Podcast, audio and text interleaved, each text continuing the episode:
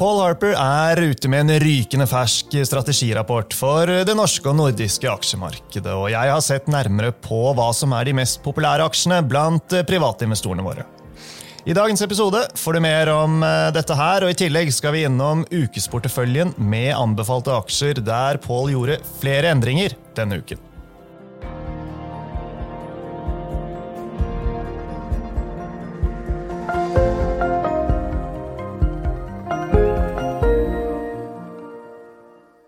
Velkommen til Utbytte, DNB-podkasten der vi forklarer hva som skjer i den globale økonomien og finansmarkedene. Jeg er Marius Brun Haugen, og med meg har jeg altså aksjestrateg Paul Harper. Hei, Paul. Hei, Marius. Det er tirsdag 3. oktober. Klokken har uh, passert uh, ti på formiddagen når vi spiller inn uh, dette her. Vi pleier å lage podkast mot slutten av uken, men ingen regel uten unntak, får vi vel si. Og vi liker å se fremover i aksjemarkedet, men jeg synes likevel at vi skal starte med å oppsummere september. Kortversjonen er bra for olje, men eh, dårlig for det meste annet. Men eh, du får gi oss detaljene på den. Ja, altså kortversjonen tror jeg er eh, ganske riktig. Oslo Børs var i pluss, men stort sett de aller fleste andre markeder var i minus i forrige måned. og eh, i hvert fall Når du ser på tredje kvartal som helhet, så var Oslo opp og både USA og resten av Norden ned. Så energi har gjort det forholdsvis bra. Det andre som kanskje trekker frem som en sånn felles eh, faktor her, er at eh, når rentene har kommet opp mye, så slår det mer på vekstaksjer og aksjer med høye multipler. Mens de mer sånn type verdiaksjene, da, som ofte er litt mer sykliske i, i karakter, har klart seg noe bedre. Så finans har gjort det sånn ganske greit. Eh, andre råvarer har også vært eh, forholdsvis bra, mens eh, eiendom har vært dårlig, utilities har vært dårlig, det også. Så egentlig alle de tingene som er mest rentesensitiv, er det som har slitt mest den siste måneden. Ja, da, og Det er ikke rart vi skal komme tilbake til renten, men ja, den amerikanske tiårsrenten fortsetter å stige den til topper vi ikke har sett på, på veldig mange år. Men som sagt, vi kommer tilbake til det Senere eh, løfter vi blikket og ser eh, hele tredje kvartal, så eh, er Oslo det eneste nordiske markedet som faktisk er i pluss. Også et ja, lite poeng å ta med seg. Ja da, det er absolutt relevant. Siden oljeprisene som bundet ut i sommer, så, så er jo sånn det grunnen til at Oslo har klart seg da forholdsvis bra, mens det resten av verden har blitt da virker som litt overrasket over den oppgangen vi har sett i renter i løpet av den perioden. Ja, og Oljeprisen altså hvis vi ser på frontkontrakten på Nordsjøoljen, ligger akkurat rundt pluss-minus 90 dollar fatet nå. Ehm, jeg har sett på eh, hvilke aksjer som ble mest eh, handlet, kjøpt og solgt av eh, kundene våre som handler via aksjehandelsløsningen i nettbanken og spareappen. Og dette gjør jo hver måned, og det var både PGS, Vår Energi, Equinor, Aker BP. Alle var de på topp fem-listen blant de mest handlede aksjene i september. Men så er det forskjeller her, da. Vår Energi og Aker BP de ble netto kjøpt, mens Equinor og PGS de ble netto solgt. Så er det kanskje ikke så veldig rart at eh, PGS eh, ble solgt. Her kom jo denne nyheten om eh, sammenslåingen med TGS, som vi har snakket om tidligere. Men litt forskjell, da. Men kanskje ikke veldig overraskende heller, Pål. Det er mer av det samme som vi har sett i hele år. Det er i oljeaksjer og energiaksjer at det er ekstra mye eh, aktivitet og interesse blant investorene. Ja, Jeg tror ikke det er så veldig rart eh, når vi ser på dette her eh, i Norge. i hvert fall. Olje er jo den desidert største bransjen i, i, Norge, og da er det jo veldig mange som følger tett med på utviklingen der, så det er naturlig at det er mye aktivitet både når oljeprisen stiger og, og faller. Ja da, og uh, Vår Energi og Aker BP det er uh, aksjer som uh, gir mening å å se på, er det ikke det? Du har de i porteføljen med anbefalte aksjer? Ja, så Vi har Equinor eh, og Aker BP i, i, porteføljen akkurat eh, nå. Vi er jo positive til energisektoren eh, generelt. Det er en av de få sektorene hvor du egentlig kan argumentere for at prising ser relativt sett ganske attraktivt fremdeles. Vi syns prising er en utfordring for de fleste sektorene. Men når du ser på, på energisektoren, da multiplene er ikke noe spesielt høye. Men nå som oljeprisen har kommet opp en del, så er det heller ikke noe sånn åpenbar nedsiderisiko estimatene med det første heller. Det er litt sånn i motsetning til tidligere på året, hvor oljeprisen lå konsekvent under konsensusforventningene. Så hver gang analytikerne gikk tilbake til regnearkene, så måtte de kutte estimatene litt til. Så det har vært en fallende trend i inntjening egentlig frem til omtrent nå. Og vi så da Etter at Vår Energi kom med en slags eh, miniresultatvarsel, så kom det ikke estimatene noe ned i etterkant. Så til den grad det var en skuffelse på litt høyere kostnader, så ble nettoeffekten allikevel litt opp, med at analytikerne da måtte oppjustere oljepris- og gassprisanslagene sine. Mm. Norwegian, flyaksjen, eh, den eh, nyter jo ikke godt av eh, høyere oljepriser. Det betyr alt annet like høyere drivstoffkostnader for selskapet. Norwegian ble nettokjøpt av kundene våre denne måneden også, og er inne på topp 10-listen blant de mest handlede aksjene. Aksjekursen har fortsatt å skli i måneden som gikk, og er gått ned fra toppen fra tidligere i sommer. Ligger som nesten nær 8 kroner nå. Som vi har sagt mange ganger eh, før, så er det mange makrogrunner til ikke å eie flyaksjer. Nå er det dette markedet har til en viss grad tatt eh, inn over seg. Ja, jeg tror det er i hvert fall en del av forklaringen. Og så har det også vært noen resultatvarsler, eller i hvert fall litt sånne svake guiding-kommentarer fra en del flyselskap i USA bl.a. Så eh, man ser at dette her begynner å slå andre plasser også. Så liksom flybransjen generelt sett er litt out of favor nå, tror jeg, blant eh, de fleste. Ja da, Men eh, analytikeren vår på caset, Ole Martin Westgård, har en kjøpsanbefaling på aksjen og kursmål 12 kroner. Det kommer trafikktall fra Norwegian. De kommer jo på uh, månedsbasis, eh, de. Det er torsdag 5. oktober. Og 2. Eh, november, da får vi tredjekvartalsrapporten. Så her blir det mer action fremover. Det blir det helt sikkert. Ellers, før vi slipper oppsummeringen av september, Pål det har vært mer fart i eh, transaksjonsmarkedet. Det har blitt gjort litt flere dealer. Vi nevnte PGS, TGS, men, men det har også blitt eh, hentet penger osv. Eh, det er jo litt positivt da, at, eh, at det skjer litt. At uh, investorene er villige til å åpne lommeboken i, i noen tilfeller.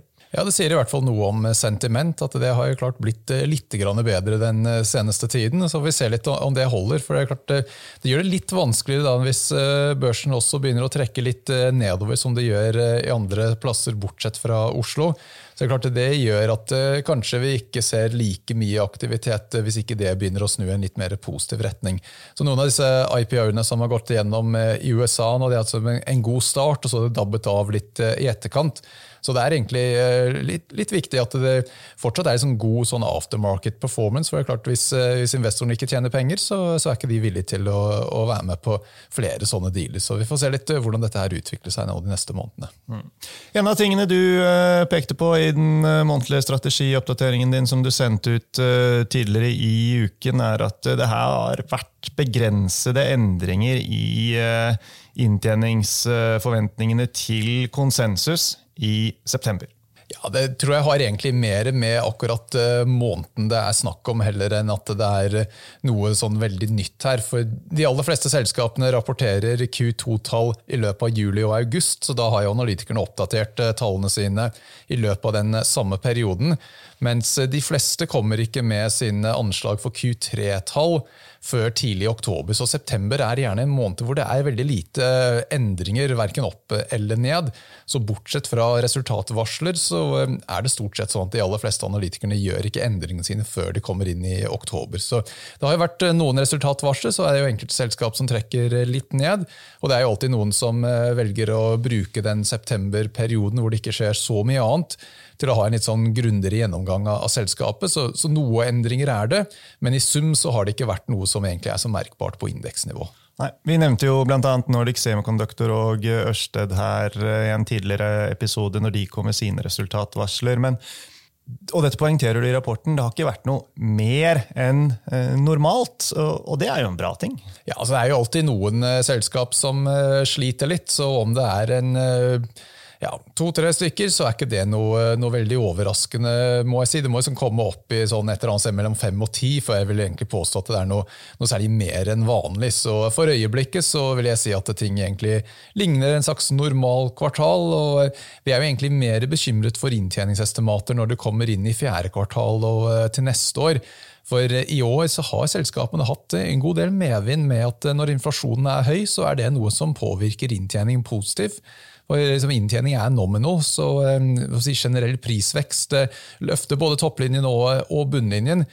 Men til neste år så blir ikke den medvinden fra inflasjonen like sterk. Så jeg tror på samme måte som mange analytikerne undervurderte den positive effekten av inflasjonen, så kommer de kanskje også til å undervurdere at når den inflasjonen gradvis blir mindre, at det også begynner å slå med et eh, negativt fortegn. Så jeg tror liksom den earningsrisikoen blir gradvis større nå etter hvert som vi kommer inn i, i fjerde kvartal og neste års estimater.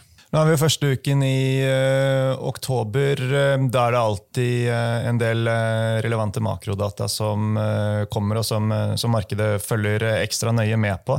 etter hvert så begynner rapporteringssesongen, Pål, for nettopp tredje kvartal. Tror du vi kommer til å bli så mye klokere, eller må vi vente til vi kommer ut i starten av 2024 før, før selskapene virkelig tør å hva skal vi si, lette på sløret? Jeg tviler på at det er så mange selskap som kommer til å si noe særlig om neste års forventning nå med, med Q3-tallene. Men det er klart, har selskapet eh, hatt en litt sånn så som så første halvdel av året, og så Q3 er ikke så bra det heller. Selv om det kanskje ikke behøver å være noe store avvik, så blir det jo sånn at eh, har de gitt guiding for 2023 som helhet, og det er litt bak skjemaet etter første halvdel og også litt bak i Q3, så er det ikke så realistisk å ta igjen det tapte i fjerde kvartal. Mens har det litt, litt bak eh, første halvdel av året, så er det fortsatt liksom seks måneder å, å, ta igjen eh, eventuelt. Så det er litt mer risiko for nedjustering i estimater når det kommer i tredje og fjerde kvartalsrapportene, enn det er på Q1 og Q2, Q2 vanligvis. Mm. Renter det må vi eh, snakke om eh, også i dag. Vi har jo gjort det litt eh, allerede, da, for så vidt. Rett skal være rett. Den amerikanske tiåringen er nesten på 4,7% når vi sitter her, og har også dermed klatret til høyder vi ikke har sett siden 2007. Passerer tiåringen 5,1% eller der omkring, da er vi i territorium vi faktisk ikke har sett amerikanske lange rente siden starten av 2000, om jeg så riktig på grafen. Men poenget ditt, som du gjør i oppdateringen din, det er at markedet tar høyere renter for en lengre periodescenarie mer seriøst nå. Ja, det har jo vært en uh, endring her synes jeg, de siste par månedene. hvor uh, Frem til uh, sommeren så var markedet veldig mye på den foten at det nå skulle komme en serie med rentekutt til neste år, som da ville trekke renten fort ned igjen. Så med andre ord at det var en type midlertidig spike vi så i rentene, og så skulle det komme ned igjen etter, etter det. Men hvis vi ser på hvordan terminmarkedet nå priser renter fremover, så har det ikke vært så veldig stor endring på forventninger hvor rentetoppen skal være. Men det har vært en vesentlig endring på hvor marked 2 rente skal være i slutten av neste år. Det har justert opp med et helt prosentpoeng i løpet av de siste par månedene. Så det er en av de viktige nyansene som jeg tror mange ikke nødvendigvis får med seg, er at eh, det er ikke nødvendigvis når eh, sentralbankrenten topper ut, at eh, vi ser tiårsrenten topper ut. For den tiårsrenten skal jo fange opp forventning til renter over en hel tiårsperiode. Så det som Fed har som rente, det dekker jo egentlig bare den veldig korte enden av av renteforventningene. Så hvis markedet nå etter hvert begynner å legge til grunn den higher for longer, så kan tiårsrenten fortsette å stige til tross for at det ikke nødvendigvis blir noen flere sentralbankrenteøkninger. Og hvis man ser på den terminkurven eh, nå, så er den fortsatt litt under rentebanen som Fed eh, selv har indikert. Så vi trenger egentlig ikke noe ytterligere renteøkninger for at tiårsrenten fortsatt kan krabbe litt, eh, litt videre oppover. Mm. Nå får vi se hva makrodataene som kommer uh, denne uken uh, viser. Da. tenker bl.a. på uh, amerikanske jobbrapporten osv. Men det er jo en forholdsvis sterk økonomi så langt da, i USA. Det er ikke noe liksom, i de harde dataene som er sånn veldig liksom, tydelige på at uh, her, her, må det gjøres noe med renten på, på, nedsiden? Nei, Det holder seg egentlig relativt greit. og Det kan du si har vært en, en, overraskelse totalt sett for året. at I starten av året så trodde de fleste økonomene at det skulle være resesjon i Q1, Q2-perioden. Vi har jo vært litt mer positive til veksten i økonomien. Men det har ikke gitt mulighet til å være mer positiv for aksjemarkedet, nettopp fordi at rentemarkedet priset inn en resesjon, de også. Så etter hvert som makro har blitt bedre, så har renteforventning da gradvis justert seg oppover. Og det er da noe som slår negativt på verdsetting for, for aksjer.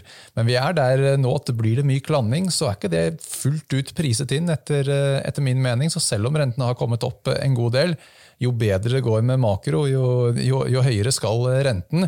Så um, Hvis vi går tilbake til den eh, rentebanen som Fed har indikert, så ligger markedsprising fortsatt rundt en sånn 30 punkter, eller 0,3 prosentpoeng under den uh, banen når vi kommer ut i, i, neste år. Så du kan si Mesteparten av oppgangen er antageligvis eh, bak oss, men det er fortsatt litt igjen hvis det, hvis det unngår resesjon. Ja, her hjemme er det vel også høyere forlenger som ser ut til å gjelde hva, hva gjelder rentene. og og vi sendte jo ut en uh, oppdatering på uh, eiendomssektoren med tittelen 'Lower for longer' istedenfor 'Higher for longer', som gjelder for rentene. Så ganske beskrivende da i forhold til scenarioet som analytikeren vår Simen Mortensen tegner for eiendom. Det ser ikke helt bra ut når man eh, tar med i betraktningen, eh, eller legger til grunn at rentene skal eh, holde seg høyere enda lenger enn det man tidligere har trodd. Men dette snakket vi om i en egen episode tidligere, og det, det står seg fortsatt. Så får jeg heller bare henvise til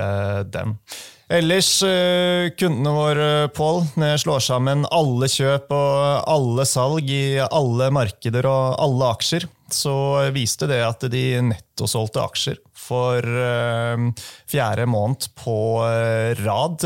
Det husker jeg ikke å ha sett før, siden jeg startet å, å trekke dette i starten av uh, 2020.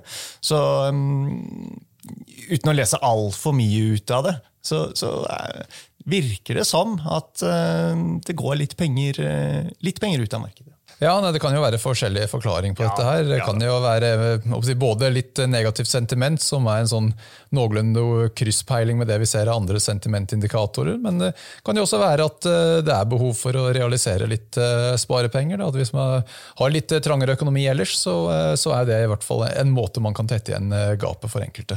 Mm. Ok, så hvordan vurderer du veien videre da, Pål?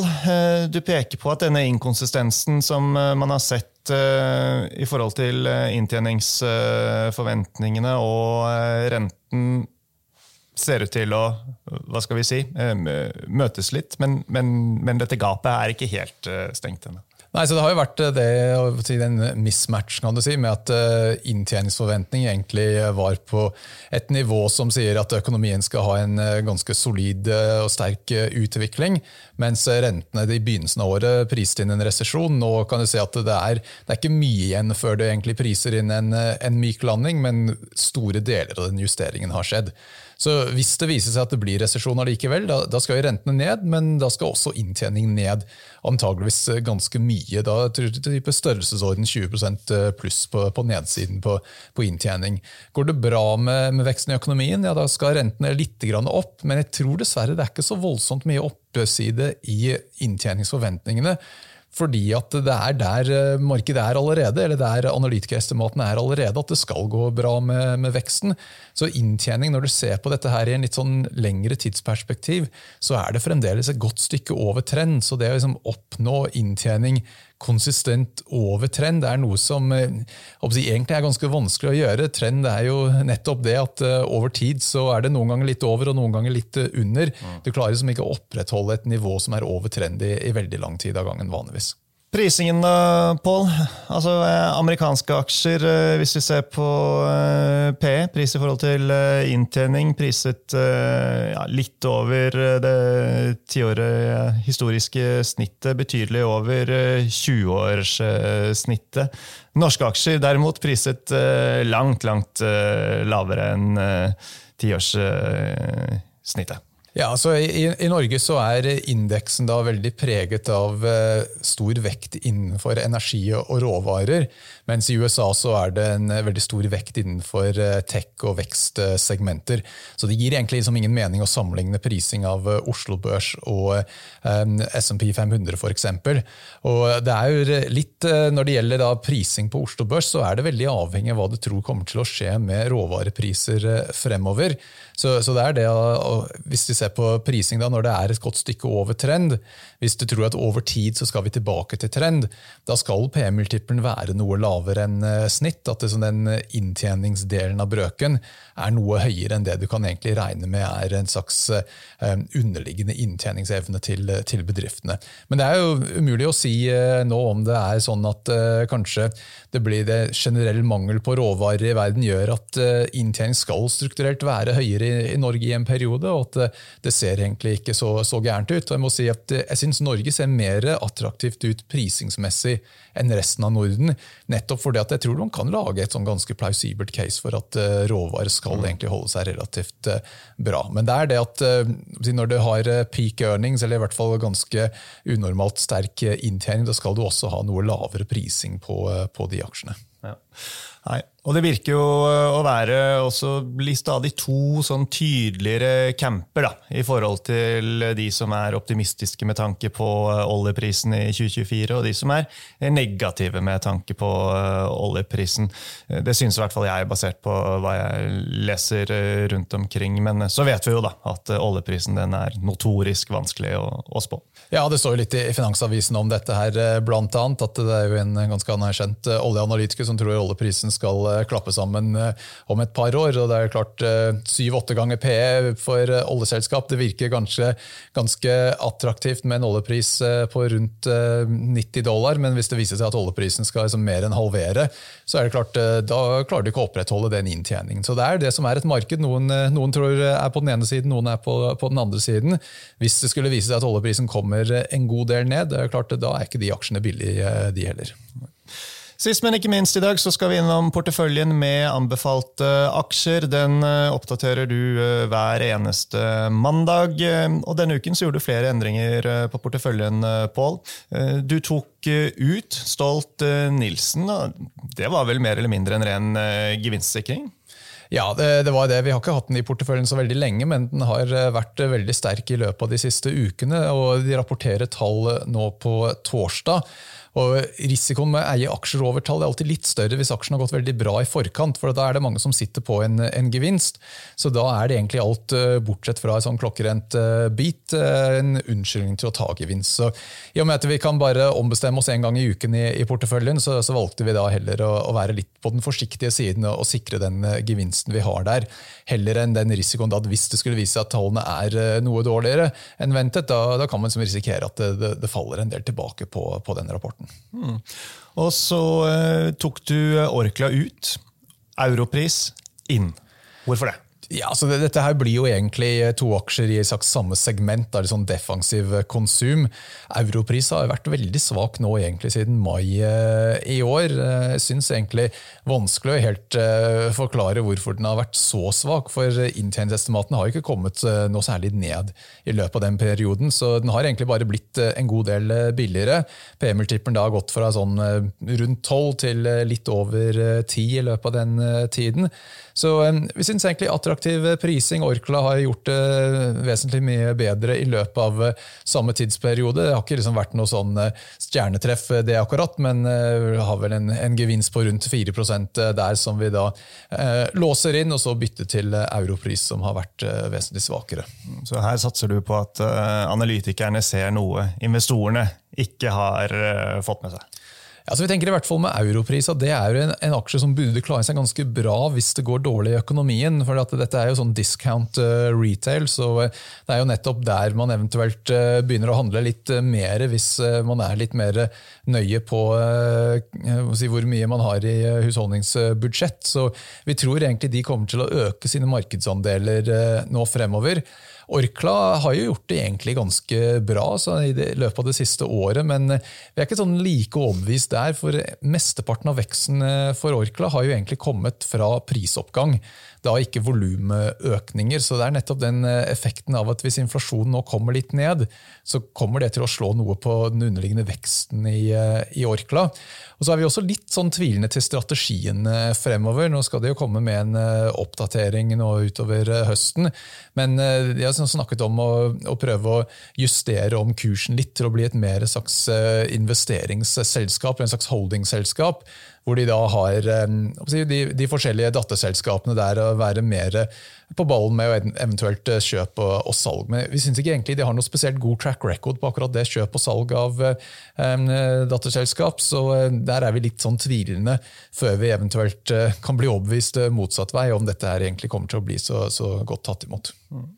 Ok, uh, får bare ta med at uh, vi er tilbake med normal service uh, mandag morgen med oppdatering av denne porteføljen med anbefalte aksjer. Det skjer på web-TV i aksjehandelsløsningen i nettbanken.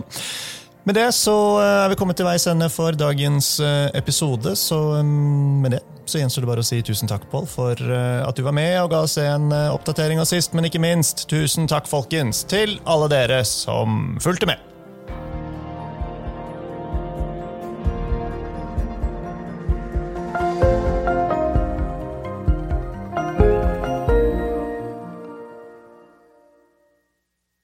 Denne sendingen ble publisert i podkasten Utbytte.